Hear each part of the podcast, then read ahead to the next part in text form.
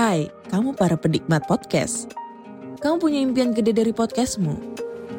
Terus First Story bisa banget bantu kamu. Mulai dari F-Link, Dynamic Audio Insertion, sampai statistik yang komprehensif. Semua ada di First Story. Gak ketinggalan kamu bisa monetisasi podcastmu lewat iklan dari First Story Ads yang bisa kasih kamu penghasilan dari setiap place podcastmu. Yuk gabung sekarang dengan klik di firststory.me. Sekali lagi, klik di firststory.me. Mari kita bawa mimpi podcastingmu menjadi kenyataan. Podcast ini bekerja sama dengan First Story. Kalau kalian belum pernah dengar First Story, ini adalah platform palu gada baru yang paling keren dan memiliki fitur yang lengkap. Dan yang paling menarik, podcastmu bisa dimonetasi loh. Tunggu apa lagi? Yuk buruan, gapai potensi maksimal podcastmu dengan tools dari platform hosting terbaik untuk para podcaster. Daftarkan sekarang di firststory.me. Dijamin gratis. Podcast ini bekerja sama dengan First Story. Kalau kalian belum pernah dengar First Story, ini adalah platform palu gada baru yang paling keren dan memiliki fitur yang lengkap. Dan yang paling menarik, podcastmu bisa dimonetasi loh. Tunggu apa lagi? Yuk buruan, gapai potensi maksimal podcastmu dengan tools dari platform hosting terbaik untuk para podcaster. Daftarkan sekarang di firststory.me. Dijamin gratis. Assalamualaikum warahmatullahi wabarakatuh Halo semuanya Jumpa lagi dengan saya Chow Sing Sing Kurator dari podcast Horror Night Story Halo apa kabar semuanya Semoga kalian semua sehat-sehat ya Dan seperti biasanya pada hari ini saya kembali Dan akan membawakan sebuah kisah mistis untuk kalian semua dan sebelum memulai cerita pada hari ini, saya mengucapkan selamat berpuasa. Semoga tidak ada yang bolong ya hari ini ya. Ini sudah hari ke 12 mungkin ya 12 ya, kalau nggak 11 lah Kurang dua minggu lagi ya Oke, kisah kali ini adalah kisah dari masa kecilnya Mas Pri Story yang menceritakan saat beliau tersesat di sebuah pemakaman. Oke, daripada kita berlama-lama, mari kita simak ceritanya.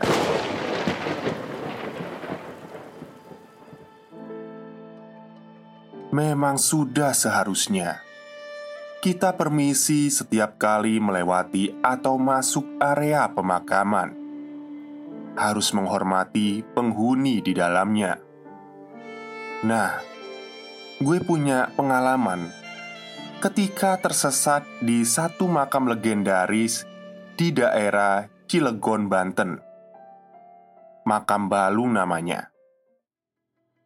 Kenapa namanya makam Balung? Ada sejarahnya. Jadi, menurut informasi yang beredar, makam Balung ini dulunya memang untuk memakamkan tulang belulang. Tulang-tulang manusia yang diangkat dari pemakaman sebelumnya, yang entah alasan pastinya apa pemakaman itu harus dipindahkan. Katanya, sekitar tahun 1970-an atau 1980-an. Gue nggak tahu pastinya, banyak pemakaman di Cilegon yang digusur dan harus dipindahkan ke tempat baru. Salah satu pemakaman yang dipindahkan yang gue tahu adalah pemakaman besar di suatu kampung terpaksa harus pindah karena kampung beserta semua makamnya digusur untuk pembuatan waduk. Namanya Waduk Kerenceng. Kenapa gue tahu? Karena Waduk Kerenceng ini letaknya nggak jauh dari desa Ramanuju Desa tempat gue lahir dan beranjak besar Sayangnya, Waduk Kerenceng ini udah ada jauh sebelum gue dilahirkan Jadi, gue nggak mengalami proses pembuatannya gue cuma dengar cerita dari orang tua dan penduduk asli sekitar waduk itu. Nah, wilayah waduk ini dulunya adalah pemukiman yang terdiri dari beberapa desa. Tentu saja di dalamnya ada pemakaman. Seperti yang gue bilang tadi, akhirnya penggusuran terpaksa dilakukan terhadap desa-desa itu untuk dialihkan fungsi wilayahnya sebagai waduk, termasuk juga pemakaman-pemakaman yang ada dipindahkan juga. Pemakaman-pemakaman ini mau nggak mau harus diangkat dan dipindahkan ke tempat yang baru. Tempat baru inilah yang nantinya dinamakan makam balung. Begitu sejarahnya. Kalau ada teman-teman dari Cilegon yang mau koreksi atau menambahkan, dipersilahkan. Malam ini gue akan cerita tentang pengalaman seram yang gue alami sendiri di makam balung itu. Ali, teman dari masa kecil gue, udah sering namanya gue sebut di banyak cerita. Ya, karena banyak petualangan seru yang kami alami dari kecil sampai sekarang. Gue dan Ali ini sejak lahir sudah bertetangga, tapi rumah kami agak bersebelahan langsung. Berselang dua rumah lah, dekat di desa Ramanuju kami tinggal waktu itu. Desa yang banyak menyimpan cerita seru dan seram. Malam ini gue akan cerita satu pengalaman seram yang gue alamin bareng si Ali ini.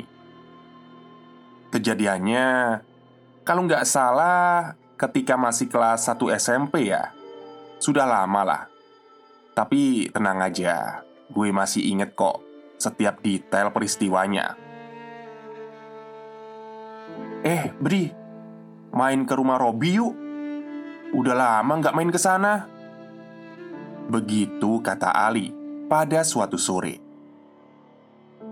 Jadi, gue dan Ali ini beda sekolah, beda SMP. Nah, Robi ini temannya Ali di sekolahnya. Tapi gue udah kenal sebelumnya. Rumah Robi nggak satu desa dengan kami. Dia tinggal di desa lain yang jaraknya cukup jauh. Tegal Cabe namanya. Ya, Tegal Cabe ini bersebelahan dengan makam Balung. Pemakaman umum yang gue sebut tadi dari awal.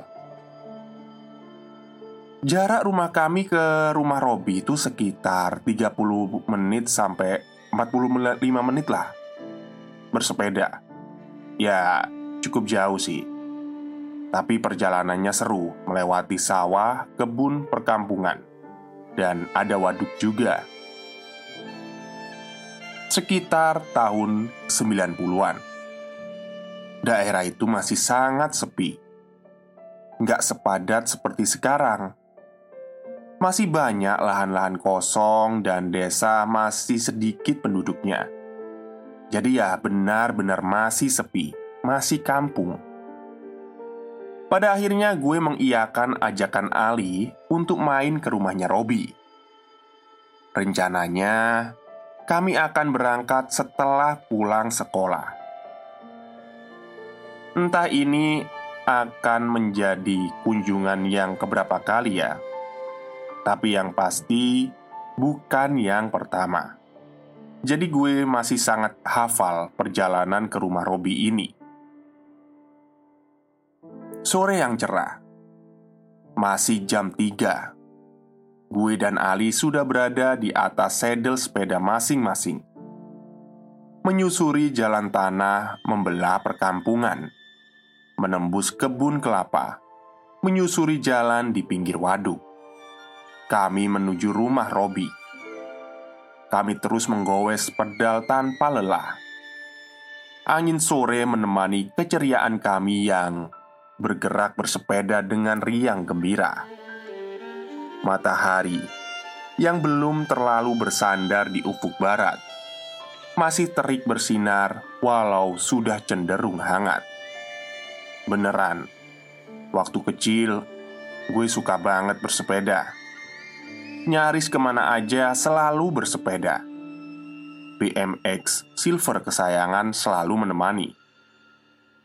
Begitu juga kali ini, karena perjalanan ke rumah Robi ini agak memakan waktu. Tapi gue senang-senang aja sih menjalaninya. Sudah nyaris jam 4 Ketika kami perlahan melambatkan kecepatan Dan akhirnya berhenti di depan satu gapura tembok lusuh Berwarna putih kusam Gimana? Lewat sini apa muter aja? Tanya gue kepada Ali Kami diam berhenti di depan gapura itu Gapura yang menjadi tanda sebagai pintu masuk ke pemakaman. Pemakaman besar yang sudah sering kami dengar keangkerannya. Ya, kami berdiri tepat di depan gapura makam Balung. Hmm, ini masih sore, masih terang. Lewat makam aja lah. Begitu jawab Ali. Memang untuk mempersingkat perjalanan menuju rumah si Robi, kami harus masuk melewati pemakaman besar itu. Walaupun bisa saja kami memilih jalan memutar untuk menghindarinya, tapi kalau berputar, waktu yang harus ditempuh tambah lama karena berputarnya cukup jauh. Ya sudah Akhirnya kami memutuskan untuk masuk menembus makam Balung Karena masih sore dan terang Makam Balung ini keadaan dan situasinya nyaris sama dengan pemakaman umumnya Banyak pohon besar di dalamnya Rindang menghalangi sinar matahari untuk masuk menerangi. Banyaknya pohon ini menjadikan suasana di pemakaman jadi nggak terlalu terang. Walaupun masih siang. Tapi Tipikal pemakaman umum yang letaknya bukan di kota besar Letak makamnya nggak beraturan Masih acak-acakan. Barisannya nggak rapi Baris berjajar. Acak-acakan pokoknya. Nah, sekarang juga situasinya masih nyaris sama. Karena baru beberapa bulan yang lalu Gue datang ke makam Balung ini. Tante Erni yang belum lama meninggal Dimakamkan di sini juga. Sama seperti anak-anak lain pada umumnya Gue dan Ali juga merinding ketakutan ketika harus masuk ke areal pemakaman. Mengayuh sepeda dengan cepat namun tetap hati-hati. Karena harus cekatan menghindari gundukan tanah kuburan yang letaknya nggak beraturan. Keangkeran pemakaman sangat terasa. Ditambah situasinya yang sangat sepi. Gak ada orang sama sekali Hanya suara putaran ban sepeda kami Yang mendominasi ruang sunyi ini benar-benar sunyi. Sepanjang perjalanan, beberapa kali wangi bunga Kamboja tercium pekat. Wangi khas bunga pekuburan. Kami yang tadinya jalan sambil bercanda bersenda gurau di dalam pemakaman jadi terdiam. Fokus bersepeda memperhatikan jalan untuk cepat-cepat keluar dari area ini, pergi meninggalkan keangkerannya. Makam balung ini cukup luas. Kami harus bersepeda beberapa menit lamanya dari masuk sampai keluar. Agak bernafas lega ketika di kejauhan kami sudah melihat gerbang keluar tapi gue yang berjalan di depan tiba-tiba menghentikan sepeda, ngerem mendadak karena aku melihat sesuatu. "Ada apa sih, Bri?" hampir nabrak nih. Sungut Ali di belakangku. Kok tiba-tiba ada rumahnya, Li? Kayaknya waktu itu nggak ada rumah deh di sini. Kok sekarang ada rumah ya? Kata gue. Ya, gue ngerem mendadak karena melihat ada pemandangan yang menurut gue cukup aneh. Ada rumah yang berdiri agak di pinggir makam. Kenapa aneh? Karena perasaan gue belum pernah melihat ada rumah ini sebelumnya. Kami berhenti beberapa belas meter dari rumah itu. Rumah yang dapat dipastikan kosong karena terlihat gak terurus. Semak dan rumput liar tumbuh tinggi di bagian halamannya. Cat putihnya kelihatan kusam. Satu atau dua kaca jendelanya pecah. Gentengnya juga gelap berlumut. Kami sangat yakin kalau rumah ini rumah kosong. Ah, itu rumah dari dulu udah ada, Bri. Kamu aja nggak pernah merhatiin. Begitu jawab Ali. Udah ah, yuk jalan lagi. Serem gitu rumahnya. Lanjut Ali. Tapi masa sih? Gue nggak pernah sadar kalau ada rumah di sini? Ah, Mungkin aja Ali benar. Emang gue gak terlalu perhatian. Gak sadar kalau ada rumah kosong di makam balung ini.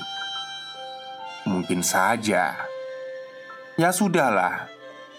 Gue ikut omongan Ali Lalu kami melanjutkan perjalanan ke rumah Robi Yang sudah gak jauh lagi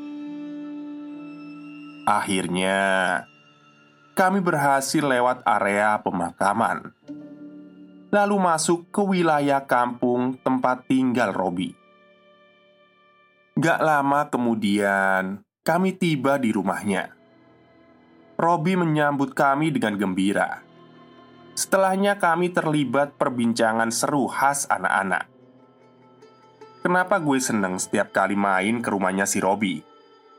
Ya, rumahnya sangat nyaman sih Rumah utama nggak terlalu besar, tapi punya halaman luas nggak berpagar. Hanya dibatasi oleh beberapa pohon dan barisan tanaman. Lingkungannya pun waktu itu benar-benar masih kampung, masih sepi.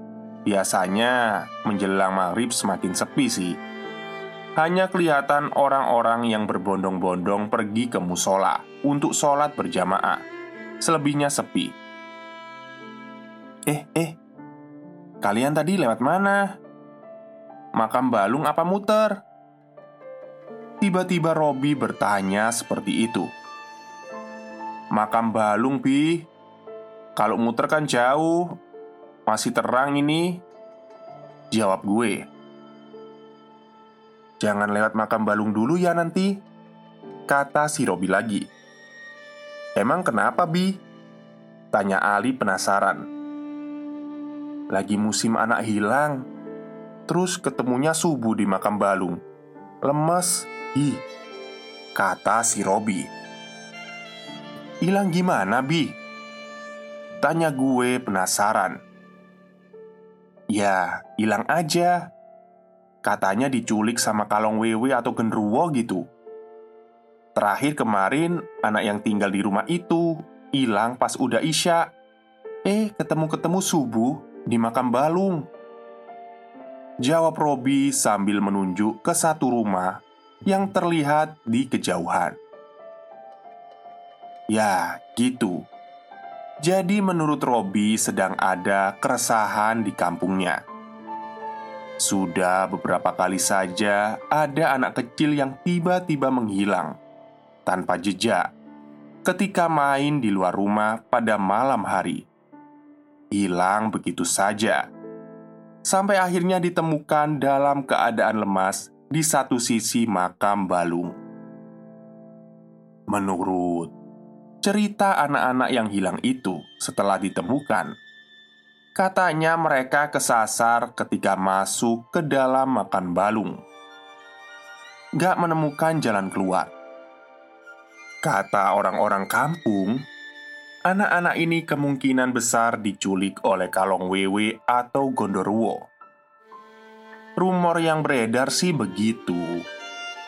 Tapi pada intinya, anak-anak ini hilang selama berjam-jam, walau akhirnya ditemukan juga.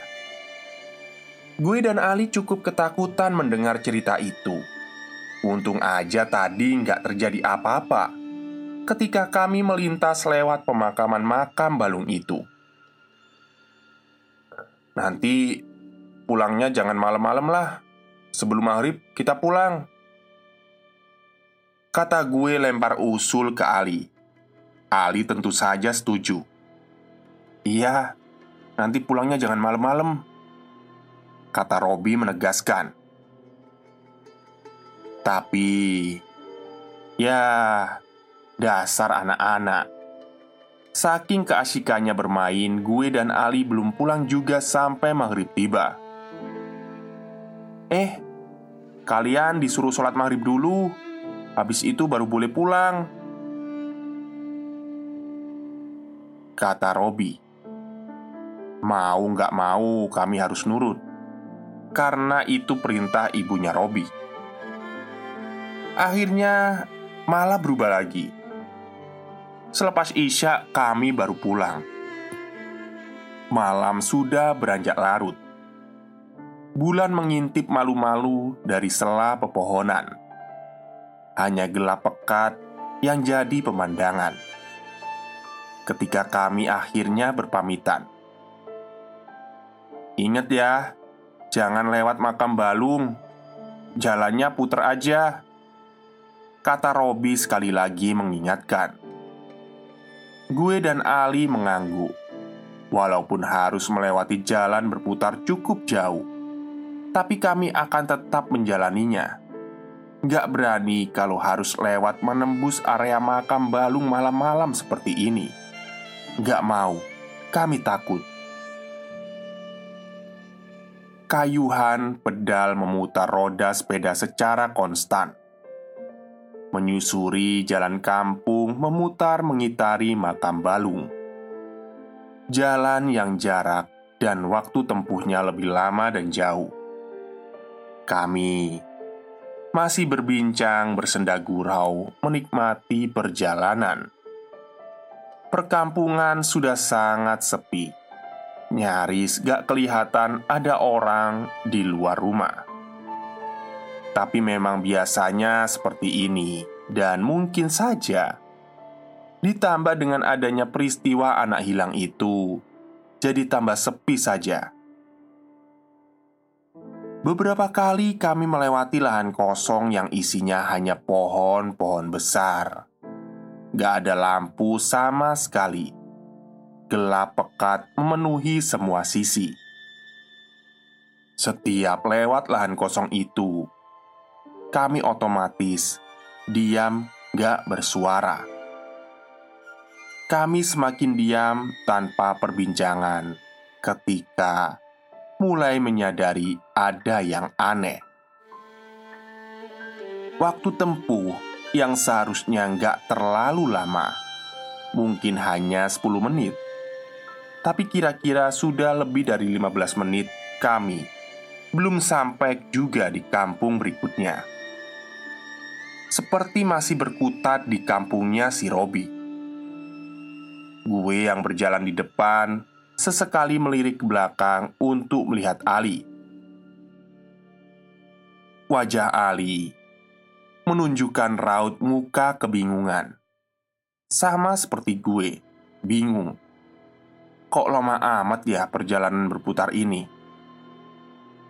Akhirnya gue memutuskan untuk berhenti Ali pun ikut berhenti Eh, Li Kok nggak sampai-sampai ya? Apa tadi salah belok kita? Tanya gue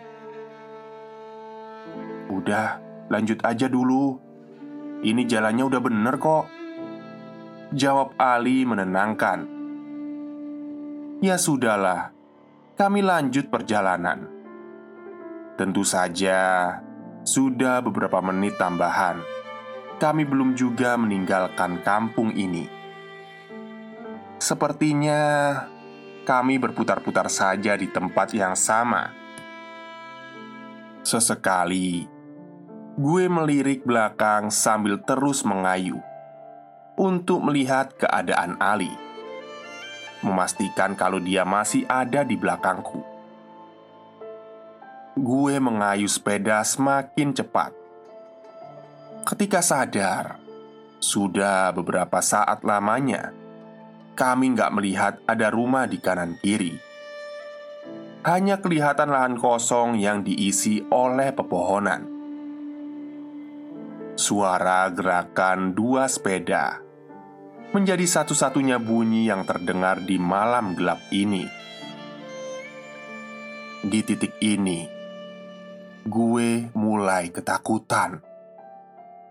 Rasa cemas mulai menyeruak memenuhi isi kepala.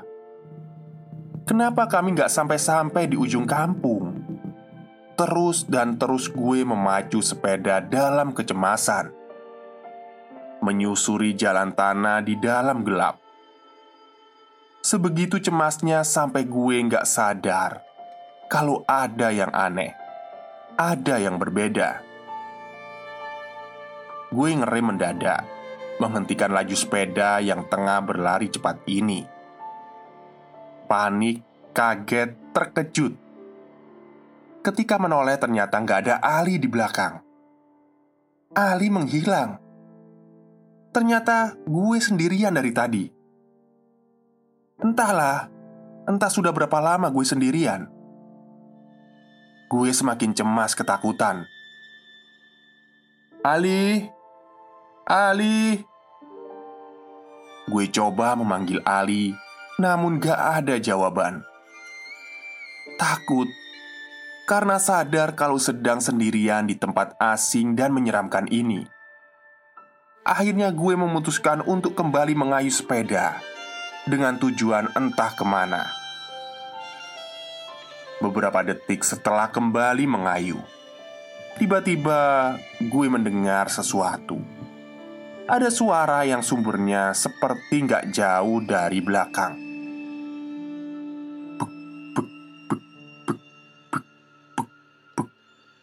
Kira-kira seperti itu bunyinya, seperti suara langkah kaki yang sedang berlari. Awalnya, karena sangat ketakutan, gue gak berani untuk menoleh ke belakang. Gak berani cari tahu bunyi apa itu. Tapi akhirnya, rasa penasaran mengalahkan segalanya. Sambil terus mengayuh sepeda, gue menoleh dan melirik ke belakang. Tahu apa yang sedang ada di belakang gue? Gue melihat ada makhluk tinggi besar, hitam, berlari mengikuti gue. Dalam gelapnya malam, gue masih bisa melihat jelas bentuk makhluk itu sosok tinggi besar yang menyeramkan. Panik, gue semakin cepat mengayuh sepeda, melaju kencang sambil ketakutan. Saking ketakutannya sampai-sampai gue nggak sadar kalau gue masuk ke wilayah yang sudah gue kenal. Wilayah yang baru sore tadi gue melintasinya bersama Ali. Gue nyaris jatuh dari sepeda ketika tiba-tiba melindas gundukan tanah, melindas gundukan tanah kuburan.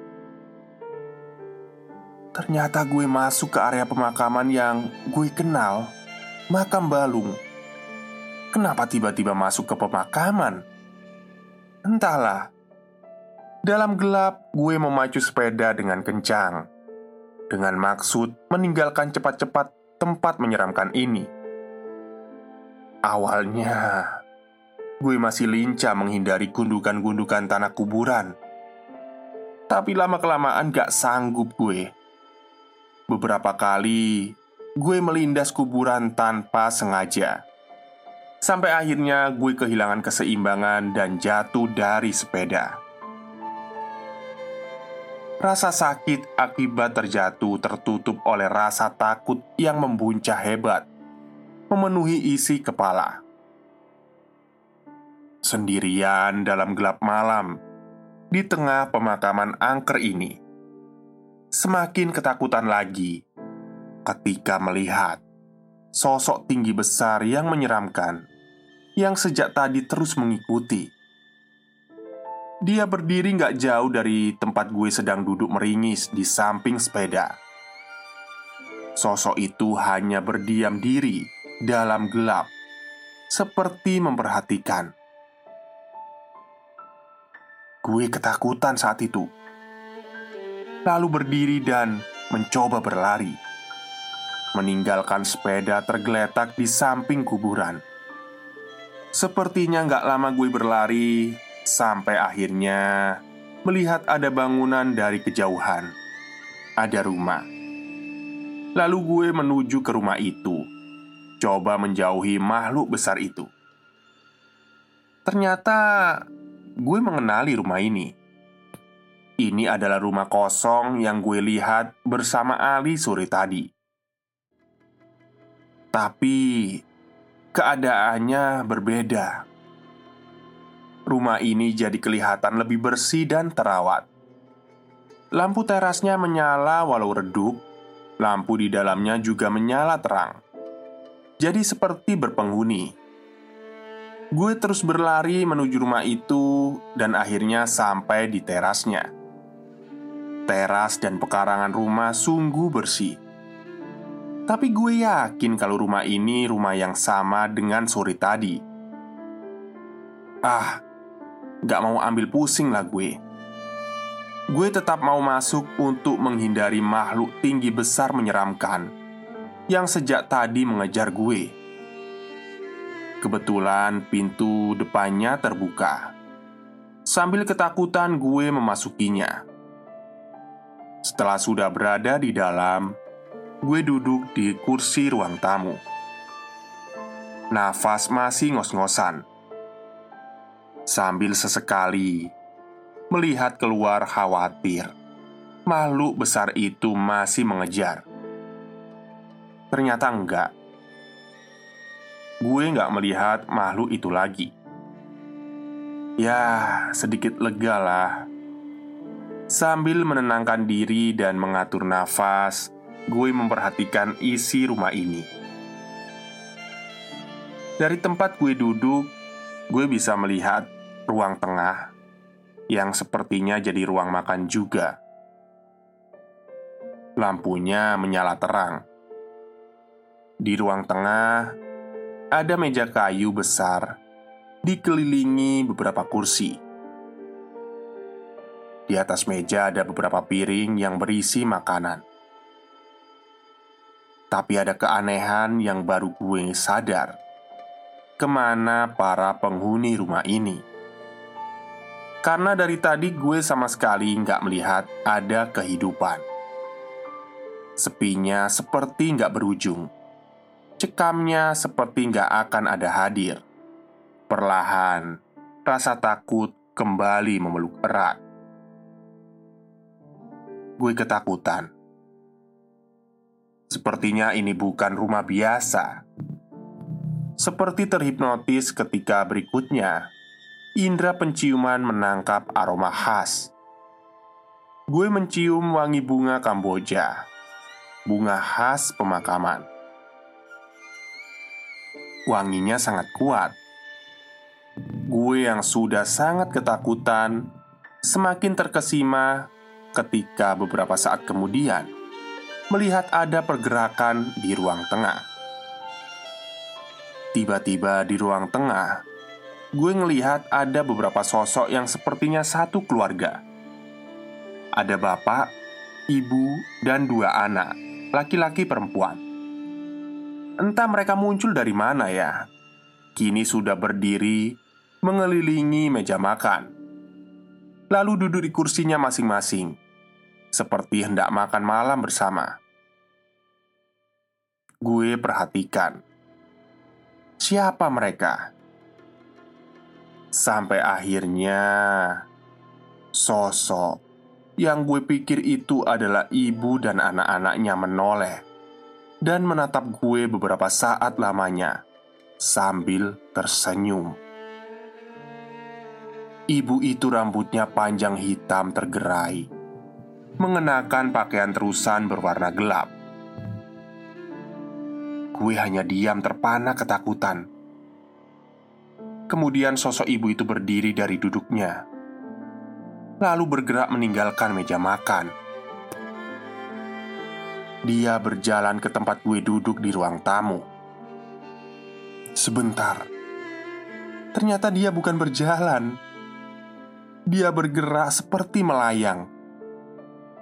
Semakin dekat jarak gue dengan dia, semakin jelas pula gue melihat penampilan sosok ibu ini.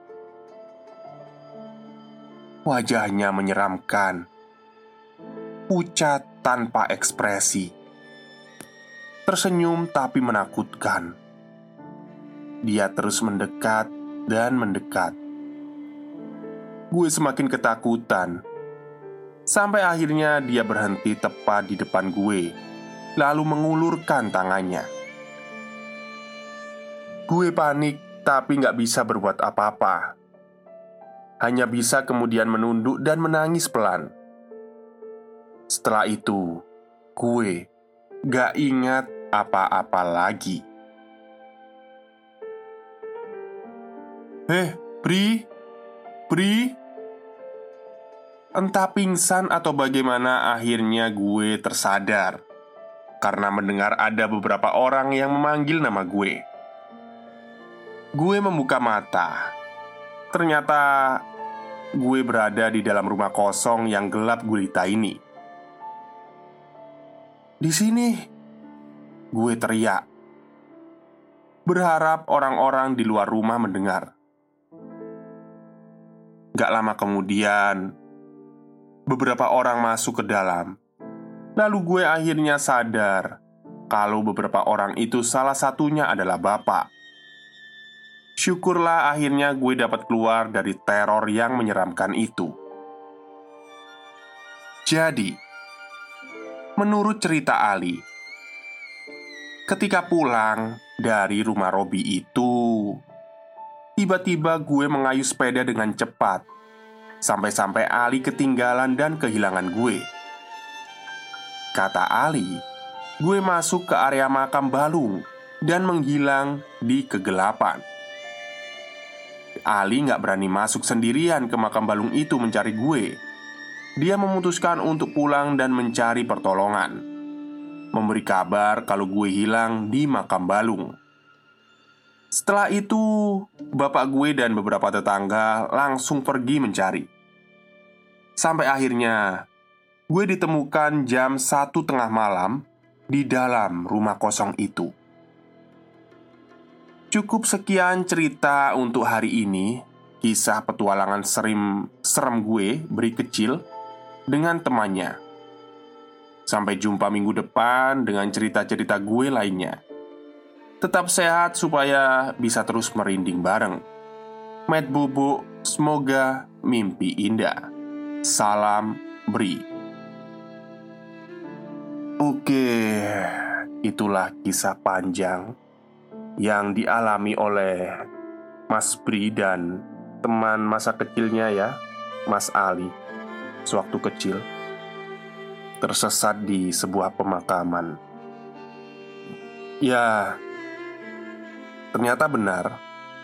Memang rumah itu sudah ada Cuman Mas Bri aja yang kurang perhatian ya. Jadi nggak tahu kalau ada rumah kosong di situ Dan akhirnya Mas Bri punya kesempatan untuk bertemu penghuni rumah itu juga. Ya memang gimana ya? Uh, Kalau malam-malam itu zaman dulu itu pulang ke rumah itu menakutkan sekali ya. Mending main itu sampai sore gitu ya. Tapi ya memang anak-anak ya Kadang-kadang lupa waktu juga gitu Oke, mungkin itu saja cerita untuk hari ini. Semoga kalian suka. Wassalamualaikum warahmatullahi wabarakatuh.